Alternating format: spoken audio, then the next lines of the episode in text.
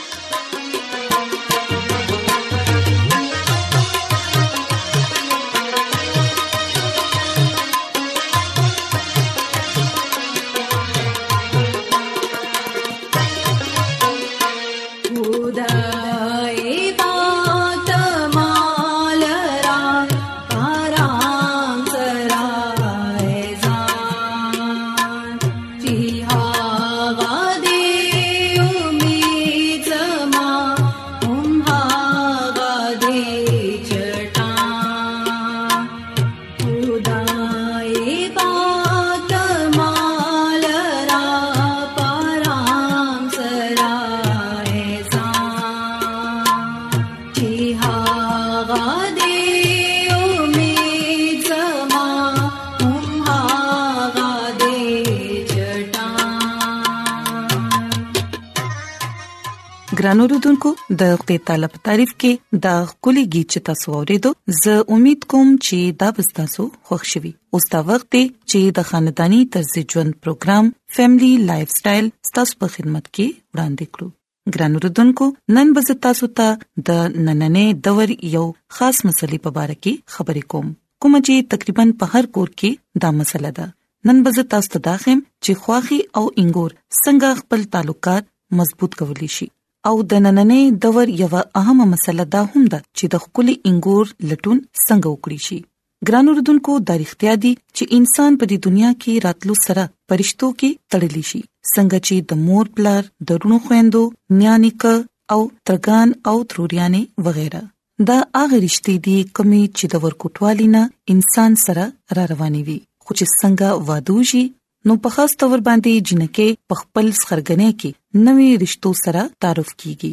او په دې رشتو کې د ټولو نزيات اهمیت خواخې ته ورکول شي او د خواخي او د سخر په باره کې دا ویل شي چې اغي د مور پلار په ځای باندې وي خو پته نه چې دا سی ویلي وي چې په دنیا کې یو خواخي هم د خپل انګور نه رضا یا خوشاله نخکاری په عام تور باندې د واده نه پس خواخي په خپل انګور باندې نظر ساتل شروع کی چې هغه سخري س اغوندي او څنګه کار کوي او په هر طریقې سره پغي باندې نظر ساتل خپل فرض غني اصل کې خوخي د دې قسمه رویه زکه ساتي چې هر مور د خپل زوی لپاره یو خجنه لټون کوي او د خجنه معیار د خپل ځان نه تکي چې زموږ انګور دي خستوي ګران اردوونکو دلته کې د خسته مطلب صرف سپین رنگ دی سپین رنگ سره سره د اوګدو زلفو مالک دی هم وی جنې د سمارټ وی او د اوګد قد وی دا خو د جنې نقشه شو او داغي سره سره داغي د کور نقشه هم ورته بیانول شي یعنی د خکور نه نه تعلق ساتي کله کله خدا سي هم وی چې دا خکور خکور غړل شي کور والا ضروری نه وی جنې لدی د کور کار کول په خشن ورزي په ډوډۍ کټوي کې دی هغه ماهر وی او په تعلیم کې د هم د ټولو نه مخکې وی ګران اردوونکو کوچر اتفاق سره اغي ته وګدو وختو والا او سپین رنگ والا جنې ملاو شي نو بیا د واده نه پس ډیر زر اغي ته د خپل عزت فکر لاحق شي چې انګور د کور نه بهر د نوکرې د پاره نزي ولی چې دا بیا د اغي د عزت معاملې جوړ شي ګران اردوونکو موږ ګورو چې د سخرګنې د خایش وی چې په انګور کې د ښه خوراک پخولو خاصیت دومره زیات وي چې دا دی د ټول قسم خوراکونه پخولی شي او په خوراک پخولو کې د داغینه هیڅ قسمه غلطي نه کیږي او اکثر وخت خو د خواخي د اولین خواهش وي چې داغي انګور دی د سبق سره سره د غندلو کار هم پويږي او کچري داسې اونشي نو بیا ډېر خخ او تعلیم یافته جنکو ته پس خرګنې کې ډېر زیات مشکلات پیخيږي ګران اردوونکو مونږ ګورو چې د نن په دور کې اکثر جنکه د اخلي پخلي د هنر نه نا واقف وي کچري د یونو یا د خواخي د دې خبرې اغي ته پتو لګي نو بیا د دې نوي ناوي چې د د دې شامت راشي ګران اردوونکو موږ ګورو چې پس خرګنې کې هر یو کس د دې خبرې په تلاش کې وي چې کله مکملاو شي او کله اغي خپل انګور ته خبري ووروي په شروع شروع کې خو د نوې ناوي نخريو چتي خو چې کله دا نخري زیات شي نو په کور کې صورتحال د مخ کې نه جدا وي رو رو د دې انګور اصل خصوصیات چې دي هغه مخامخ راشي او چې انګور کوم چې د واده نه مخکې د ټولو نه بهتره ښکاری د واده نه پس د تصویر دویم طرف ښکار شي هغه کور کوم چې مخکې صرف د یو خزې په کنټرول کې وي د انګور نه پس هغه د دوو خزو په کنټرول کې راشي خواخي خپل حکم چلولو کوشش کوي او انګور د خپل طریقو په مطابق تلل غواړي او ګران اردوونکو په دې صورتحال کې د کور حالات د مخ کې نه بدل شي په کور کې جنگ جګړې شروع شي او خواخي دا کوشش کوي چې هغه په اړه خبره کې ځان د انګور نه اوچت کړي او انګور هم په اړه خبره کې داغي جواب ورکول لازمي ګڼي ګران اوردونکو یاد ساتئ چې د خوخي او د انګور ترمنځ ښه تعلق قائم ساتلو کې د خاوند ډیر زیات اهم کردار دی کوچري هغه په دوانو کې برابرۍ ساتي او ارچا تري داغي د رشته په مطابق اهمیت ورکړي نو بیا دوانه بخپلې رشته صحیح ساتلو کې د صبر مظاهره کوي مثلا کوچري زوی د مور عزت کوي او خپل خزې ته دی داخی چې هغه زما مور ده نو بیا به خزه د خپل خاوند لپاره د خپل خواخې سره خرویه خامخ ساتي دغه شان کوچري خاوند خپل مور ته دا احساس ورکي چې هغه زما خزه ده او زه غواړم چې هغه خوشاله اوسي نو مور به د خپل زوی د خوشاله لپاره دا غي خزي سره چره هم زیاتې نه کوي ګران اوردونکو زوی سره سره مور ته هم پکار دي چنګور ته د خپلې لور پشان ګوري او دا غي سره دې ډیر زیات مینا کوي د غشان په انګور باندې هم د فرض دي چې غ خپل خواخي د خپل مور پشان وګڼي او هغه سره دې هم هغه سلوک کوي څنګه چې هغه خپل مور سره کوي ترڅو د کور سکون دې برقرار وي او د ښه ژوند حاصل دې ممکن وي او هغه خوخي کومه چې د یوې خې انګور په لټون کې ډیره زیاته و چرته هغه مایوس نشي خوخي او انګور یوځې د کور ماحول بهتره جوړولی شي کچري خوخي خپل انګور د یوې لور په شان غړي نو بیا انګور ته هم دا پکار دي چې غا خپل خوخي له د مور په شان درجه ورکي ولې چې په کور کې سکون او خوشحالي هغه وخت کې دي شي کله چې هر یو کس د دویم عزت کوي هر یو کس ته بل سره تعاون کوي او د زړه نه دی کوي یاد ساتي کله چې د یوې جنې وادو شي نو دا د مور پلار ځمېداري ده چې هغه د خپل لور زهني تور باندې تیار کړي چې په بل کور کې به هغه ته څه قسمه حالات راتلی شي دا ټیک ده چې واده صرف د یو سړی سره کیږي خو د دې سره سره د سړی مور پلار رور خور هم وي د چا سره چې د جنې رابطه ضروری وي الک سلی رشکینټه پکور کې ناس گزاره نشي کولای او نه هغه یوازې د خپل خزي هر فرمایش پوره کولی شي ځنی وخت خدا سي هم کیږي چې الګ لا سکار نه کوي او مور پلار دغه وادو کی داسې وخت کې دا الګ او د جنې ټول ذمہ داریانه په مور پلار باندې راشي او کچري د یو بیکار خوند خزه په خپل سرګنې باندې خپل مرزي او خپل روب اچول شروع کی نو بیا کور څنګه چلی دی شي دغه شان ګران اردوونکو د جنې د مور پلار د فرض دی چې خپل لور ته د پکور کې پیدا کېدو والا مسلو او د نورو سره د تعاون کولو تعلیم ورکړي او څرګندې ته هم د پکار دی چې ولې پکور کې د یو نوې کس اضافه شوې ده نو هغه د کلو زړه سره قبول کړي کو په جنې کې سکمی یا کمزوري وي نو هغه دې د دې ټولو خبرو سره قبول کړي کله چې د دوانو مثبت رویه وي نو بیا به چری هم پکور کې دومره جنگ او جګړې نه پیدا کیږي ګران اردوونکو نن چې دا ټوله جنگ جګړې ښکاری نو دا کمې پمون کې دي نه خو خواخي انګور ته د لور پشن ګوري او نه انګور خواخي له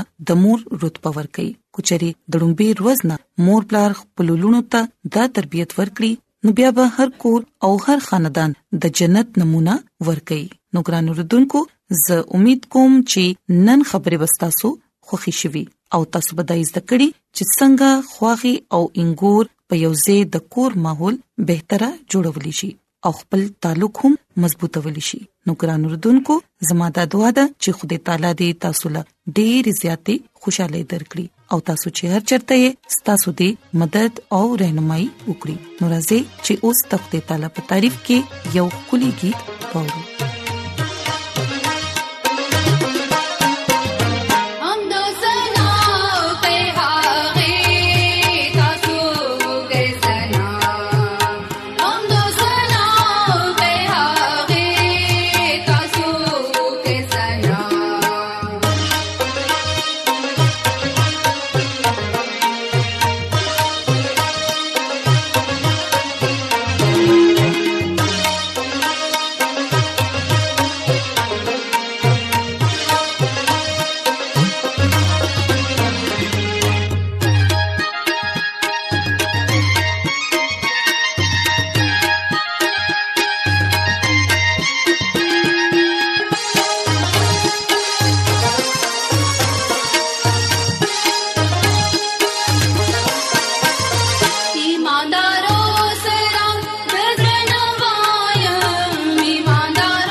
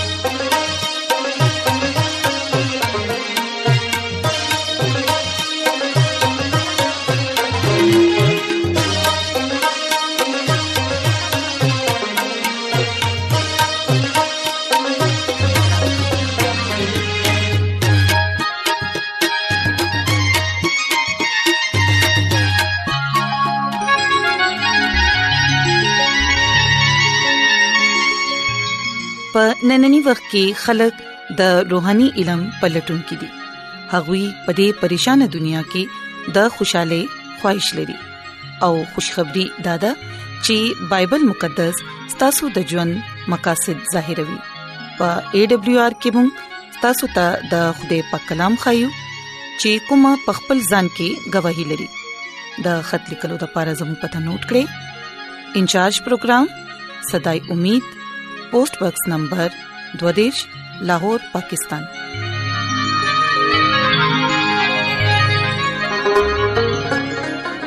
ایمان اورېدو سره پیدا کیږي او اورېدل د مسیح کلام سره ګرانو رتونکو د وخت دی چې خپل زړونه تیار کړو د خوري تعالی د پاک کلام د پاره چې هغه زموږ پزړونو کې مضبوطې جړې ونی سي او موږ خپل ځان د هغه د بچاغت لپاره تیار کړو عیسی مسیح په نامه باندې تاسو ته سلام پېښ کوم زه د مسیح خادم جاوید مسیح په کلام سره تاسو په خدمت کې حاضر یم زه د خدای تعالی شکر ادا کوم چې یو ځل بیا تاسو په مخ کې په کلام سره حاضر یم ګران اوردونکو راځي خپل ایمان مضبوطه او ترقه لپاره په کلام با اورو نن د بایبل مقدس نه چې کم خبره مونږه زده کو هغه د ګنا مزدوري مرګ روميو شپږ باب او دغه وکم دی شاید چې ډیر صفای سره دا بیان دی چې دا ګنا مزدوري مرګ دی ګران اوردونکو مونږه ټول ادم جسمانی مرګ مړ کیګو او مرګ ار سړی باندې راضي دینه څوک بچکولی نشي مر نه پس ژوند هغه امید صرف قیامت ورځ باندې ده ټول انسانان خوده ته دا اعلان کړی دی چې دا سه قیامت په ذریعہ همیشه ژوند کې بمونګه شامل کې دي شو دلته یو سوال پیدا کیږي چې دا سه ژوند مسله بسنګي ګران اوردونکو مونږه چې کلا ګناه ګناه کو نو ګناه شیطان طرف ته مونږه رو رو ورس پرز مضبوطی ګو او ګناه مونږه دروغ وایو یا بل داسې کارونه کو نو مونږه ورس پرز ګناه کې مضبوطی ګو ګرانو رودونکو سوال دلته هم دقه دي چې مونږه خپل ایمان خرابو مونږ ته پکار دي چې مونږ سره یو حقيقي خدای دی چې هغه مونږ را پر ډېر لوی قرباني ورکړې ده هغه د ارش نه رالو او زمونږه د پاره پزماکه باندې رالو او هغه صدا پر رالو هغه د پر راغلو چې مونږه د ګنا نه بچ کو مونږه د انسانان چې دی هغه شیطان طرف ته مونږه تلیو مونږه خوده مونږه نه ایر دې مونږه ګناه کې مکمل مکمل ډوبو څنګه چې نوت خلق په ګناه کې ډوبو او مکمل د خوده نه اغي لا تعلق شوی او خدای ورته بار بار موقع ورکولې چې اے خلکو تاسو زما طرف ته راشه تاسو ګنا نه توبه وکړه او وخت ډیر نږدې دی راشه زما طرف حضرت نوح ته اغي ته ډیر زیات تبلیغ وکړو او هغه اخر خپل ارسو وبلل او التا ډیر لوی طوفان رالو اور او د ګړګړو باران وشو او خلک التا مړ شو دا ګناه مزدوري هغه مرګ ته روميو شپغم باب او وکم دې شاید ګران اوردونکو دا ګناه سزا همیشا بکی متی پنځه کم دیش آیت او سلور کم 50 آیت کې دا لیکل دي چې انسان مروزي دی او هغه خدای نه ډیر لره دی او خدای غوسه همیشه ګناګار خلاف نه پاتې کیږي هغه داسې ټیم راشي چې دنیا کې هر سړی د خدای تعریف او تمجید کوي نو خدای هغه معاف کوي لکه هغه د خپل ګناونه معافي غواړي نو خدای ورسره مینا شروع کی او هغه بیا رو رو دوا کوي او د بایبل تعلیم باندې توجه کوي دا پاک کتابونه دي چې دینه مونږه د ګناه باره کې ځان د پاره یو سبق غستې شو او خدای ته ځان نږدې کولی شو قیامت پرز شریر چې هغه همیشه ژوندې بپات کیږي هغه ولی چې هغه تبا دا ارس بخکاری چې ګناه مزدوري چې دا هغه مرګ ده دلته ډېر صفای سره مونږه دا بیان شوې دي چې دا ګناه مزدوري مرګ ده او چې کله مونږه دویم مزدوري اغستل د پاره ار سړې د پاره ګناه چې هغه خوخی او دلته صفا صفا اعلان شوه دی چې مونږه د همیشا ژوند د تکلیف او غومونو کې تیرو او نوې تخلیق کول ضروری ده پولس رسول بیانوي چې صرف د بایبل د دې مضمون نه متفق شوه دی با کثرت مثبت شهادت هغه مونږه لور کوي مستقل سزا چې کله مونږه شریر لدمکی ورکو هغه دا معیاري او ابدي او داسې عالمگیر عقیده پکار ده چې هغه د همیشا ژوند حصہ وشي ګرانو رودونکو مونږه ته پکار دي چې مونږه د همیشا سزا نه بچو راس باس سره ټیم تیرو ابدي سزا چې کله مونږه پغه باندې غور کو نو دا هغه سزا ده چې کله مونږه د خوده نافرمانی وکړو مکمل خدای طرف ته ناراضو نو خدای مونږه ته بیا ابدي سزا هم ورکوي قیامت پر ورځ باندې ګران اوردونکو چې کله ادم ته سزا ورکړو نو هغه پدې خورا کې ملاو شو او دغه درمیاني حصہ ژوندې هم اون لاره ادم ګناه په سبب باندې مرګ دمکی ولا ورکړه او چې کله موږ خپل شخصي ګناونه دمکی ورکو نو بیا دا دویم مرګ ته او په دې حالت کې موږ خوره کې شامل کیدی شو او ادم هم خوره کې شامل شوی او دوباره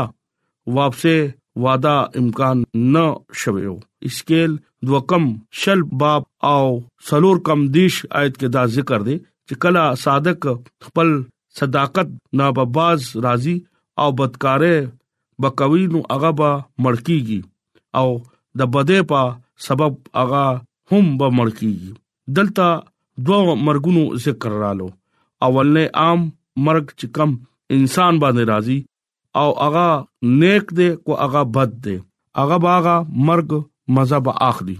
او جسمانی وی نو دویم مستقل راتلو ولو مرګ حالات هم زتا ستویم چې هغه سړی د ګنا په حالت بغیر توبه اولنې مرګ به مړ کیږي او بیا د ګناونو په سبق باندې دوباره به مړ کیږي دا دویم مرګ د دې تاسو ته ځویم او بیان کوم چې اولې مرګ ګنا په سبق باندې بمونګه مړ کیږو د دې طریقې سره اولې مرګ چې دی هغه که بمونګه ژوندې شو او بیا به فیصله کوو چی مرګ رهایی یا مفلسی کولو وعده مونږ سره خدای باب لکه عیسی المسیح کړی دا هغه ټول شریر لا دویم مرګ او ابدی سزا به ورکوي روميو شپږم باب او وو کم دیش آیت کې ویل شوی دی د ګناه مزدوري مرګ دی یعقوب اولنې باب او 15 آیت کې د دې خبره تصدیق شوې ده چې کله ګناه زیات شو نو مرګ پیدا شو روميو دویم باب رسول دلتا داسې ذکر کوي چې څوک ابدي ګناونو کې شامل دي نو په هغه باندې فتوا لګیدلې ده چې هغه زموږ په مخ کې بیان نه کوي او خپل ګناونه پټي نو هغه سړی هم ګناګار دی هغه بیا ضرور دا ګنا مزوري مرګ به اخلي ګرانو رودونکو خدای په مخ کې خپل ګنا مپټاوي هغه وي زما په مخ کې اقرار د خپل ګناونو وکړي چې کله تاسو د خپل ګناونو اقرار وکوي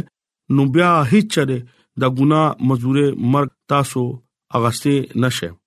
تاسو حساب چي دي هغه ډیر کم بکیږي چې کله تاسو دروغ وې نو بیا وستاسو ډیر زیات حساب دی ګران اوردونکو همیشه ژوند او د کثرت ژوند صرف او صرف عیسی المسی سره دی هغه به تاسو د لپاره هغه ډیر لوی قرباني ورکړي هغه هم بار بار مونږ ته دا وای چې زه تاسو هلاکت نه غواړم زه تاسو ته بار بار دا ویم چې تاسو توبه وکړئ او د خدای نږدې شئ هغه خدای چې کم پاک هستی دی چې کم مونږ سره مینا کوي او مونږ سره هغه دومره مینا کوي چې هغه خپل زوی مونږه د پر پدی دنیا کې اولګو چې هغه نه هغه خوشاله دي هغه وی چې زه به زم تاسو د پاره کورونه جوړوم خزانه چې دی هغه پزما کني دي خزانه برا جوړ کې ګران اوردونکو خپل ځان خدای په مخ کې کېږدي او خدای به تاسو را ضرور بمینا کوي خدای معاف کول ولا خدای دې هغه وی چې شریر هلاک بشي نو هغه برا هم هلاک بکیږي دغه ایمان چې دی هغه بچکول نشي دغه زکات هغه خیراتونه هغه بچکول نشي هغه شریر دی هغه ګناګار دی چې کم خلک خپل زکات ایمان سره ورکوي د زړه زکات ورکوي ایمان سره او هغه ګناګار نه دی نو هغه همیش ژوند برهم با اخلي ګران اوردونکو همیشه ایمان چې دی هغه ساده قدم چې اوشي نو بیا هغه نجات طرف ته تل شي نیکار صادق قدم چې دی هغه د ژوند حاصل کولو حقدار دی او چې کومه هلاکت او تباہی او بربادي زموږ ژوند ختمي